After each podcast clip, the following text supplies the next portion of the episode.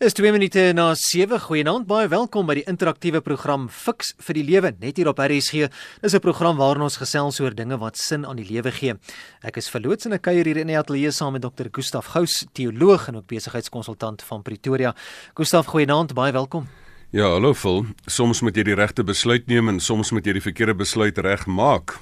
So vanaand so 'n bietjie daaroor kokes. Hoe neem ek die regte besluite en jy kan gerus ook aan hierdie program deelneem op een van die volgende maniere. Stuur jou SMS 45770. Dit kos R1.50. Jou e-pos is ook welkom of jy kan ons op Facebook in die hande kry. Dis by die bladsy Fix vir die Lewe op Facebook gaan druk daardie like knoppie. Onthou dat hierdie program nie aan jou as luisteraar voorskrifte gee van hoe om te lewe nie, maar dit bied riglyne waarbinne jy self keuses maak. So hier is jy nie noodwendig saam met die opinie van enige persoon wat aan hierdie program program deelneem nie. Caroline Kennedy, die enigste oorlewende dogter van wyle president John F Kennedy van Amerika het gesê: "Wanneer jy die regte besluit neem, maak dit nie regtig saak wat ander daarvan dink nie." Dis dalk makliker gesê as gedaan, want dit is juis waar die probleem lê, hoe om daardie regte besluite geneem te kry. Ons gesels dan vanaand in die program Fix vir die Lewe oor die onderwerp: Hoe neem ek die regte besluite? Gustav, hoekom is dit so belangrik om groot besluite dan daarmee saam regte besluite te neem? En vul ons betaal baie duur vir oordeelsfoute. En ons besef, almal van ons besef, as jy by 'n kruispunt kom of jy nou links of regs moet draai, dit kan jou hele lewe bepaal um, by wie jy kinders moet kry. Dit kan jou hele lewe bepaal. So hierdie besluite is so groot, maar dit is nie net die risiko van gevaar van slegte besluite wat 'n probleem is nie, maar daar is fantastiese besluite wat mense al geneem het wat hulle lewe positief beïnvloed het, wat hulle op 'n kritieke tyd in hulle lewe die regte besluit geneem het en hulle lewe met 'n besluit in 'n nuwe rigting gestuur het. En daarom is dit een van die belangrikste vaardighede wat 'n mens nodig het om fiks vir die lewe te wees. Nou ons sê ons gaan 'n bietjie fokus op groot besluite wat 'n mens moet neem in die lewe. Nou as ons daaroor praat en ons praat van groot besluite, Gustav, dan moet ons seker vir onsself dit uitpleis. Wat is groot besluite? Vol mens kan vir jou sê daar is maar so die top plus minus die top 10 van groot besluite. En daai groot besluite is basies, ehm um, wat se werk moet ek eendag doen of wat nie. En daarmee saam dan besluite soos wat moet ek gaan swat en wat se vaardighede moet ek vir my kry om daardie werk te doen. Ehm um, die ander groot besluite sluit in van moet ek trou of moet ek nie trou nie. En daar die subbesluite daar, met wie moet ek uitgaan, wie moet met wie moet ek nie uitgaan nie. Dan is daar nog groot besluite verder ook soos moet ek kinders skryf, moet ek nie kinders kry nie. Groot besluite soos waar moet ek bly, moet ek in Kaapstad bly of in Johannesburg bly? Ehm um, moet ek in in watter dorp moet ek bly? Moet ek in Suid-Afrika bly of moet ek verhuis na 'n ander land toe? So daai waar ek moet bly besluit is 'n groot besluit. Ehm um, die ander besluite is baie keer moet ek van beroep verander. Ehm um, moet ek heeltyd in dieselfde beroep bly? Ehm um, dan het jy dan het jy nou nog besluite soos um, wanneer moet ek opgee? Wanneer moet ek wanneer moet ek handdoek ingooi? Ehm um, iemand het eendag gesê, luister, um, ek het vir Here gesê ek wil handdoek ingooi. Toe gooi hy die handdoek vir my terug en sê vir jou gesig af en ehm um, ons is amper daar. Ehm um, maar daar is ook 'n tyd wat jy moet sê, maar luister, wanneer moet ek ophou? Wanneer moet ek uit hierdie slegte verhouding uittreë? Wanneer moet ek uit hierdie toksiese werksituasie uittreë? Ehm um, so daar is 'n hele klomp van hierdie groot ehm um, um, besluite wat 'n mens moet neem. Maar hierdie is gewoonlik die soos die Engelse noem die common sense besluite. Ehm um, maar dan die ander groot besluit is ook daai radikale besluite wat baie keer wat mense sê maar moet ek al my goed verkoop en sendeling gaan word in 'n ver land of so iets. Hmm. So baie keer het jy ook hierdie radikale groot besluite wat 'n mens moet neem. Maar almal van ons, kom ons kom ons wees maar eerlik, hierdie besluite bepaal hoe jy jou lewensgeskiedenis skryf en of dit 'n tragiese verhaal is en of dit 'n liefdesverhaal is en of dit 'n aangename verhaal is of 'n verhaal wat van koers af geraak het maar wat jy weer moet 'n besluit op die regte baan gebring het. Dit lyk vir my Martie wil een van daardie radikale besluite neem. Ons gaan 'n bietjie later Martie daarbey uitkom. Gustaf netterloops Martie sê, "Hoe besluit ek bly ek in Suid-Afrika of gly ek?" So dis een van daardie radikale. Ons gaan 'n bietjie later daaraan aandag skenk en ons gaan bietjie meer fokus op so so drie spesifieke groot besluite wat ons tog in ons lewe moet neem. Maar voordat ons nou daarby kom, Gustaf, da, wat is die basis van besluitneming? Weet jy aan die basis van besluitneming, die die interessante ding is baie mense wil besluite begin neem. Ehm um, maar hoe kan jy nou 'n besluit neem of jy moet wie jy wil trou? Want daai besluit gaan jy moet nou iemand kry wat by jou pas. As jy nog nie eers self weet wie jy is nie. Hoe moet jy nou 'n besluit neem van 'n werk as jy nog nie eers jou talent leer ken het nie? Hoe moet jy nou 'n besluit neem van van waarvan ek hou in die lewe of wat, wat selfs 'n klein besluit waarna toe moet ek gaan um, as jy nie weet wat jou wat jou ding op aarde is nie. So ehm um, die fondamentstene van 'n goeie besluit is eintlik dat jy vroeg in jou lewe jou waardes gevestig moet hê. Want as jy nie wat is die wat is die kriteria waar volgens jy besluit? Jy moet jou waardes dis jou kompas. As jy nie weet waarvoor jy staan nie gaan jy vir enigiets val. Um, as jy nie jou identiteit weet nie as jy nie jou belangstellings weet nie as jy nie jou lewensdoel weet nie dan gaan jy na enige enige koers wat aangedui word gaan jy maar kies. As jy 'n doelgerigte lewe het en dan weet jy ek moet ek moet nee sê vir daai ding want hierdie ding pas nie in by my lewensdoel nie. As jy jou fokus nog nie in die lewe reg gekry het nie dan gaan jy ronddwaal soos iemand wat besluiteloos is. Um, as jy nie jou geloofsraamwerk uitgeklaar het nie wat is die geloofsraamwerk? Dit is daai lewensraamwerk of die paradigma binne jy wil lewe. Dis jou verstaansraamwerk van hoe jy jouself en jy die wêreld verstaan. As jy dit nog nie uitgeklaar het nie hoe gaan jy nou 'n besluit neem? Jy het nog nie die kriteria nie. Ehm um, en, en interessant die die bekende ehm um, persoon wat op sosiale media so bekend is nou so daar rondom die vraag hoekom Simon Sinek. Hy het gesê as jy nog nie jou hoekom in die lewe ehm um, gaan uitgeklaar het nie, hoe gaan jy nou jou hoe in jou rigting probeer uitklaar? En in in my terme is dit as jy nog nie jou lewensplan het nie, as jy nie 'n oorkoepelende lewensplan het nie, hoe gaan jy die sub besluite binne neem as jy nie 'n oorkoepelende lewensplan het waarmee jy waarna toe jou lewe wil bestuur nie? So dit is die fondamentstene wat 'n mens in plek moet kry voor jy eintlik nou 'n groot besluit of so kan neem. De Brein van Pretoria het ook laat weet hy sê 'n besluit waaroor ek nie spyt is nie is om die verkeerde vriende uit my lewe uit te skakel, vorentoe te kyk en weer te probeer. Dit is altyd um, slegte vriende, slegte lewe, goeie vriende, goeie lewe. Dit is miskien een van die groot besluite in 'n mens se lewe. Nou ons het al by 'n vorige geleentheid ook gesels oor besluitneming in die program Fix vir die Lewe en uh, jy's welkom om as luisteraar dalk te gaan aflaai vanaf ons webblad. Dit sal daar beskikbaar wees onder die potgooi skakel. Maar en daar daar het ons vir mekaar uitgesê Gustaf dat dit met intu, uh, intuïsie en met rasionele denke te doen het maar is daar algemene metode waarby besluitneming waar, waarmee ons kan besluite neem Ek dink die groot belangrike die nuutste navorsing hieroor was Daniel Kahneman se boek I'm Thinking Fast and Slow. En ons het by vorige geleenthede ons het baie sterk uitgewys dat jy twee tipes van besluitneming het. Die sogenaamde vinnige besluitneming is daai outomatiese, intuïtiewe, onwillekeurige, sonder moeite, impulsiewe um, besluitneming wat eintlik nou maar te, ver, te beskryf kan word as daai gut level, jy daai aanvoelingsbesluitneming wat jy dan neem. Maar die stadige besluitneming is die beredeneerde, die logiese, die neem al die feite en data aan ag. Dit is die ding wat met moeite kom. En en ons dink ons is hierdie werklike rasionele wesens, maar ons besluitneming word baie sterk beïnvloed deur die intuïtiewe ook. So um, om die beste besluite op aarde word geneem um, tussen die hart en die kop. En baie keer, ehm um, baie keer is die hart wat as hy oor die die kop ehm um, oordonder, dan neem mens baie keer 'n slegte besluit. Baie keer is jy net 'n rasionele besluit nie, maar neem jy nie die hart in ag nie. So die tussenspel tussen hierdie is die belangrike. Maar vanaand wil ek 'n bietjie fokus oor daai, kom ons noem dit nou maar stadige besluitneming, die beredeneerde logiese besluitneming. En die beredeneerde logiese besluitneming het regtig om om die waarheid te sê, vol, dit is eintlik nie so moeilik nie. Dit is nie dit is nie ehm um, 'n uh, uh, uh, so groot kuns soos wat mense dink nie. Rasionele besluitneming is gewoonlik 'n ding tussen A en tussen punt B. En tussen punt A en punt B moet jy dan 'n proses gaan sit. Jy moet dit goed te, te mekaar weeg. So jy moet eers besluit wat is die besluit wat jy geneem word. So die rasionele besluitneming het plus minus 7 stappe. Identifiseer die besluit ek moet kies of ek hierdie pad gaan vat of daai pad gaan vat. Hierdie persoon gaan trou of daai persoon gaan trou.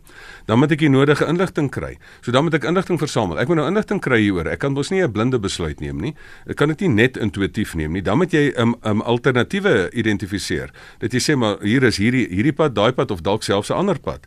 Um, en dan moet jy die getuienis te mekaar weeg. Jy moet die uitkomste bedink. Jy moet jy moet eintlik jouself in die pad sit en dan sê maar waar waarheen loop hierdie pad? Is hy op pad na afgrond toe of nie? Um, en dan moet 'n mens kies tussen hierdie alternatiewe. Dan moet jy nou maar 'n keuse maak en jy moet nou staan by jou keuse. Um, en dan moet jy nou aksie neem. Ehm um, so as jy dan aksie neem op hierdie besluit en dan na die tyd kan jy nou gaan omdraai en sê luister, was dit 'n goeie besluit of nie? En as dit 'n goeie besluit was, dan klop klop jy jouself op die skouer en sê, "Wow, dit was 'n goeie proses geweest." En as jy nie 'n goeie besluit geneem het nie, dan is ons terug wat ek al heel nie begin gesê het. Ehm um, soms maak jy die regte besluit en soms moet jy die verkeerde besluit weer later regmaak. Maar die voordeel is jy het weer 'n besluit hoe jy die slegte besluit wat jy geneem het kan hanteer. Ehm um, kan ek in sak en as gaan sit of kan ek nou weer deur 'n beter proses gaan om 'n beter besluit te gaan neem? Waar pas geloof in hierdie proses in? Wel, dit is vir my die wonderlike dat 'n mens ehm um, daar's baie mense wat net gewoon op 'n menslike vlak hierdie ehm um, rasionele prosesie wil deurwerk. Ehm um, en dat jy nou wil uitvind maar wat is my wil en wat wil ek nou regtig in die lewe. Maar 'n persoon wat binne geloofsperspektief leef, ehm um, het 'n dieper dimensie. Hy sê dis eintlik 'n persoon wat sê luister, ehm um, alle besluite is eintlik iemand wat erken dat jy maar redelik arrogant moet wees as jy dink dat in jou besluitneming jy regtig alle wysheid het en alle feite genê. Jy gaan nooit alle feite in 'n besluit neem nie. 'n Persoon wat in 'n uit 'n geloofsperspektief leef sê, maar daar is um, dis iemand wat glo, daar is iemand wat alwetend is en wat tog die groter prentjie het en jou groter belang op die hart het. Dit is iemand wat sê, maar ek wil nie net my wil laat geskied nie, ek wil die wil van die Here laat geskied en ek soek die wil van die Here in hierdie besluit. 'n um, persoon wat binne geloofsperspektief leef, staan nogal sterk op Kolossense 3 vers 15. In die Amplified Bible is dit nogal baie mooi wat dit daar staan, dat daar staan dat die vrede van God die skeieregter moet wees in al jou besluitneming. Is dit nie baie interessant nie? En en dit word ge in Filippense 4 vers 6 dat jy sê maar hier is my begeerte, hier is my ding wat ek wil doen. Maar dat as ek daai besluit neem, is dit die vrede in wat alle verstand te bowe gaan wat vir jou gaan aandui of jy 'n besluit geneem het. Hoeveel mense het nie 'n besluit geneem nie, maar diep in sy hart het hy 'n geloofsonvrede en jy besef eh, dit is nie dit is nie die regte besluit nie. En baie keer is dit daai vrede wat dan die vrede van God wat vir jou die wat vir jou die skeieregter moet wees.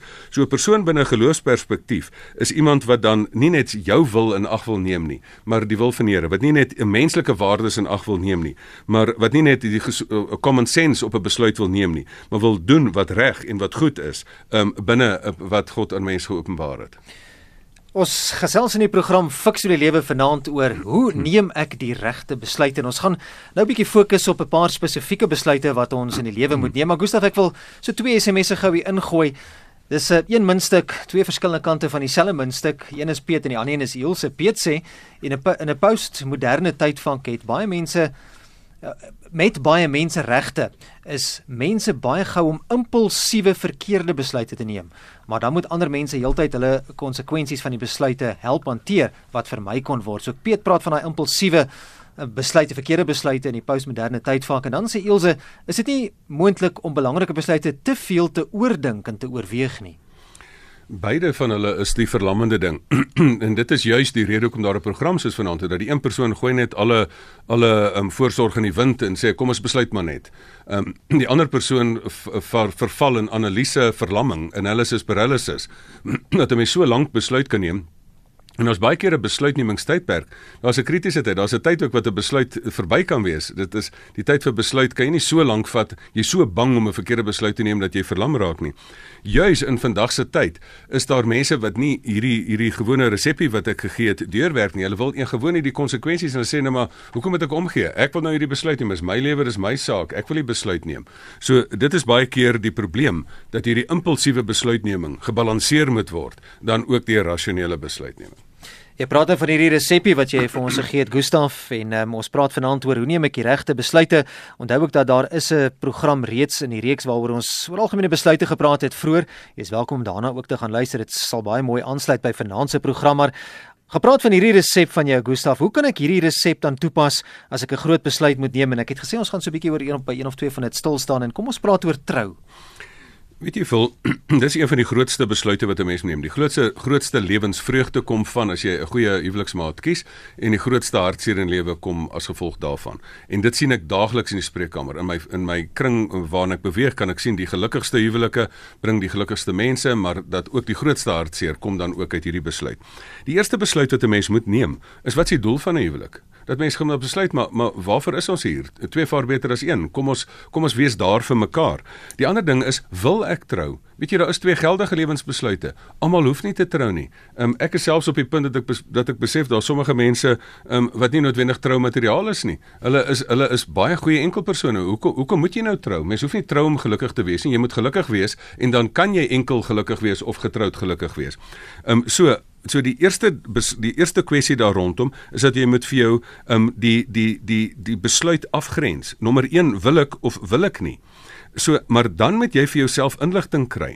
En daai inligting moet jy kry oor die oor die huwelik, moet jy vir jouself uitklaar wat behels dit. Weet jy wat so groot leemte sien ek raakvol?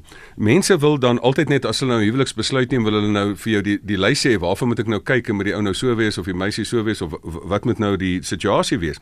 Maar ehm um, ek wil so ver gaan om te sê dat mense nie goeie huweliksbesluite neem nie omdat hulle nie voor die tyd besluit wat behels dit nie. Hulle besef nie eers wat behels dit alles nie. Ek is nou al op 'n punt dat ek vir mense wil begin huweliksvoorbereidingskursusse wil doen vir mense nog voor hulle 'n boyfriend of 'n girlfriend het. Ehm um, dat jy op op op daai stadium ehm um, dat ehm um, dat die dat die, dat die hele kwessie is jy moet jy moet 'n besluit neem um, wat dit behels. Jy moet vir jou gaan self uitmaak. Kan ek vierkante meter uh, ruimte deel saam met 'n saam met 'n mens of is ek eerder iemand wat gemaklik op my eie is? So nommer 1 moet jy jouself leer ken en vir jou sê maar wat is my wat is my hele wat behels hy huwelik? Kan ek daai kompromie aangaan deurdat ek nie dat ek nie dat ek saam met mense wil leef en, en nie net alleen wil leef nie. So dit is die dit is die eerste ding. So jy moet inligting kry. As jy dan dit besef het dat ek sê right ek wil hierdie ding probeer, dan moet jy nou mense leer ken. Jy moet nou um, volgens jou voorkeur moet jy nou gaan mense leer ken. Jy moet mense uitneem. Jy moet mense uh, uh, ek sê altyd gaan gaan op 'n staptog, sien iemand onder onder die swaar druk van 'n rugsak op die skouers. Ehm um, dan jy moet uitvind maar hoe is die ander mens? Hoe is ek? Ehm um, jy moet jy moet vir jouself uitvind maar maar wat wys hierdie persoon vir my? Dan moet jy op die punt kom die volgende na jy die die die die besluit geïdentifiseer het ja, ek wil of ek kry nou inligting oor 'n klomp mense wat ek ontmoet.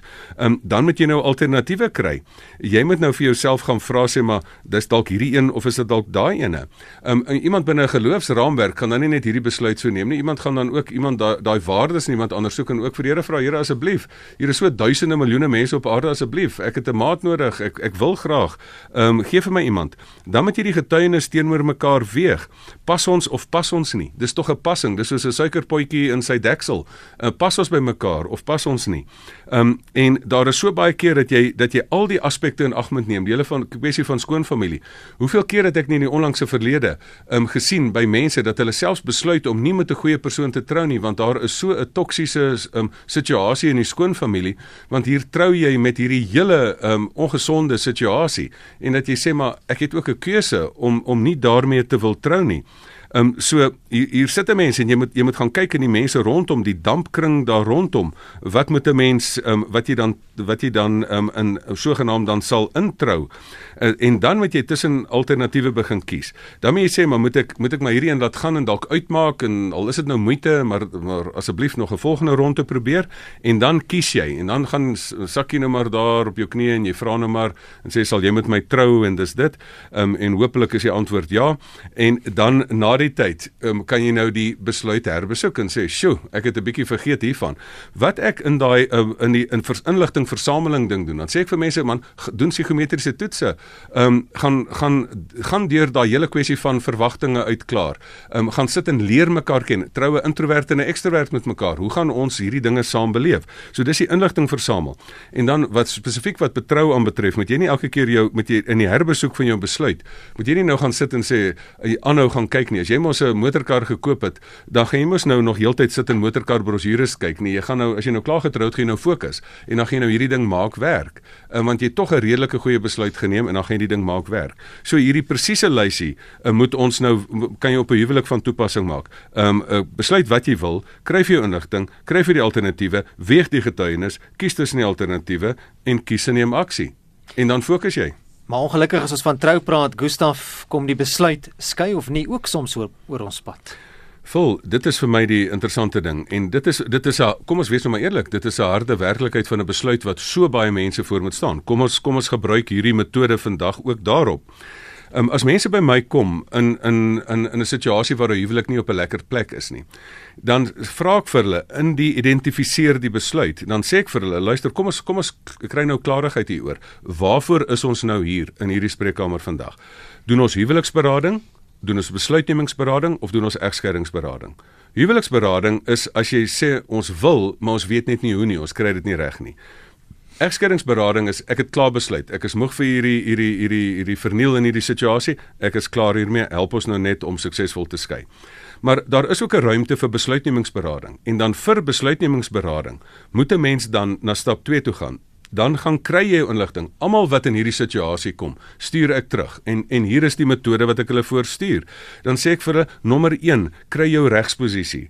Um, is ek binne gemeenskap of buite gemeenskap of aanwasbedeling is ek op daai wyse getroud. So kry jou situasie. Wat is die situasie? Het jy waar staan jy finansiëel regstegnies in die ding?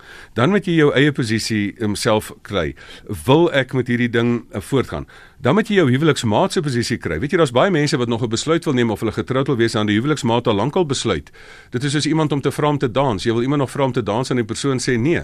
As daai persoon sê nee, kan jy nie dans nie. So kry by jou huweliksmaat begrip oor um, wil jy is jy ook in 'n besluitnemingsproses. Dan gaan besluit jy watter ander inligting het ek nodig. En een van die belangrikste stukkies inligting wat 'n mens nodig het is as mense besluit wil neem, is die ander persoon se se leerbaarheid Engelse woord daarvoor teachability. As jy dan op hierdie stadium besef, maar wat is die prognose van hierdie ding? As daai persoon glad nie leerbaar is nie, dan gaan niks verander nie. So hier moet 'n mens gaan kyk, waar moet 'n mens verander? Dan gaan kyk jy wat is die effek op kinders? Dan gaan kyk jy wat sê die Here? Die Here sê baie keer egskeiding, hy sê nie baie keer nie, hy sê altyd egskeiding is nie 'n goeie ding nie. Maar die Here sê ook daar is daar is 'n 'n ander a, ding ook dat jy as jy gefonnis word in 'n situasie waar jy heeltyd verniel moet word, daar's ander waardes wat die Here wat die Here ook voor staan dat jy as mens nie in in die grond in tot in jou siel in um verneder in in in verinneweer moet word nie. So baie keer is dit nie net 'n keuse tussen goed en sleg nie, baie keer is dit 'n keuse tussen sleg en slegter. So um hier um is daar is ons nou maar so halfpad deur hierdie ding rondom skei. Ons ons moet ook besluite neem in ons werksomstandighede elke dag, Gustaf. Ja, vol. Ehm um, in ons in ons werksomstandighede is dit is dit geweldig belangrik. As 'n mens nou byvoorbeeld die die die die skeidingetjie net klaar maak, as 'n mens daar as jy daai alternatiewe kan kry, is baie keer kom mens op 'n punt dat jy sê maar ehm um, hoe kan ons kan ons dan gemoedelik skei as ons dan besef of gaan dit nou 'n stryd tussen die prokureur wees? En mens moet daai uitkomste oorweeg. Baie keer is die is die oorweging rondom egskeiding is dit is eerder om met minder geld en in 'n kleiner woonstelletjie te bly, maar om jou menswees intact te hê, eerder as wat jy jy in groot geld in, in groot gemak um, met baie geld ongelukkig is en en met 'n tong uitmekaar uitgeskeur word. So ehm um, so ek dink hier sit 'n mens dit. Al wat ek vir mense net wil sê rondom die egskeidingsbesluit is ehm um, neem 'n baie goeie besluit en 'n verantwoordelike besluit gefasiliteer deur 'n proses. Ehm um, anders is jy 5 jaar later gaan jy dan of baie spyt of of baie jammer wees. Maar om om by jou vraag te kom rondom werk. Ehm um, Huidiglik is dit een van die groot besluite wat mense moet neem. Ehm um, gaan ek in hierdie werk bly? Jy moet gaan besluit, ehm um, die geld As ek nou in hierdie werk is, ek kry dalk goeie geld. Die inligting wat jy moet kry is, ehm um, hier is my salaris, maar daar's my mediese rekening. Ehm um, is my gesondheid nie dalk benadeel nie. Uh, wat is uh, hier is my werklike goeie inkomste, maar hoe lyk die toestand van my familie? Ehm um, wat help dit dat jy die wêreld wen maar in jou in jou siel skade ry? Wat help dit dat jy 'n klomp geld kry maar in jou familie skade ly? So so die inligting wat jy kry, is jy weeg hierdie inligting te mekaar op. Dan begin jy alternatiewe sit. Is daar ander werke? Is daar ander poste beskikbaar? Sê nou maar daar is nie ander pos beskikbaar nie. Kan ek dan 'n bietjie een stap laer vat? Hoeveel mense wat top besigheidsmense is. Sê maar luister, ek wil nie my enigste doel is nie net geld en ambisie nie. Ek wil ook op hierdie kritieke stadium um, my my kinders grootmaak. Dit is fantasties as ek baie keer hoor hoe mense moedige besluite neem en dat hulle dan een stappie laer 'n uh, eh, aanstelling weer vat. Ehm um, so hier is dan die dan die alternatiewe. Of moet ek as 'n entrepreneur gaan? Dan eers dan weeg jy weer die getuienis. Dan bedink jy die, uit, die uitkomste. Gaan ek genoeg geld hê? Kan ek dit anders doen? Gaan my dit my lewensbalans beter uh, help? Gaan dit beter my lewensdoel dien? Ehm um, so hier en en die laaste ding wat jy hier moet besluit is, ehm um, as jy 'n werk het waar jy appelbome is en maandag moet jy uh, moet jy lemoene produseer, dan is jy nie binne jou lewens um, ontwerp nie. En hier moet jy dan ook 'n besluit neem dat jy jou volgende lewens beroepskeuse dan ook binne jou lewensdoel maak. Ek wil nog by twee aspekte stil staan Gustaf en ek sien dis al 25 minute na 7 jy's ingeskakel by RSG Fix vir die lewe. Daardie radikale besluite gaan ons nog gaan raak, maar net voordat ons daarby uitkom, is dit moontlik om verkeerde besluite weer reg te maak. Hier het 'n SMS ingekom van iemand wat sê dis makliker gesê as gedaan om daardie verkeerde besluite reg te maak.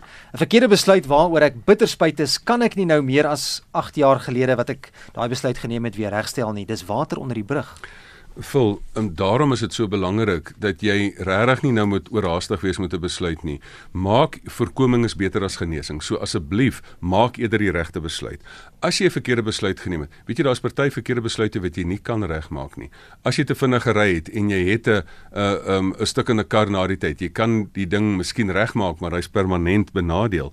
Um soms kan jy besluit nie regmaak nie, maar weet jy die vryheid van die mens is dat jy op 'n verkeerde besluit weer 'n besluit kan neem hoe jy minstens al kan jy dit nie regmaak nie, kan jy soveel as moontlik ma mate van heelheid bring wat dan moontlik is in daai situasie. Of jy kan dan 'n alternatiewe besluit neem wat dan minstens vir jou in 'n nuwe rigting instuur. Soms kan jy dit glad nie regmaak nie. Daarom neem probeer so ver as moontlik van die begin af die beste besluit neem. En dan het ons vroeër vanaand ook van Martie 'n SMS gekry. Gustaf, hoe besluit ek? Bly ek in Suid-Afrika of gly ek? Dit ons gesê dis een van daardie radikale besluite. Weet jy vir hierdie radikale besluite is eintlik 'n eintlik 'n ongelooflike interessante ding.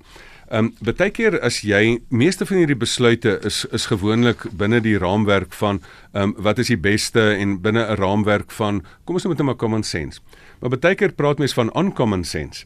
Ehm um, baie keer moet jy 'n besluit neem met jy al jou goed verkoop en dit doen.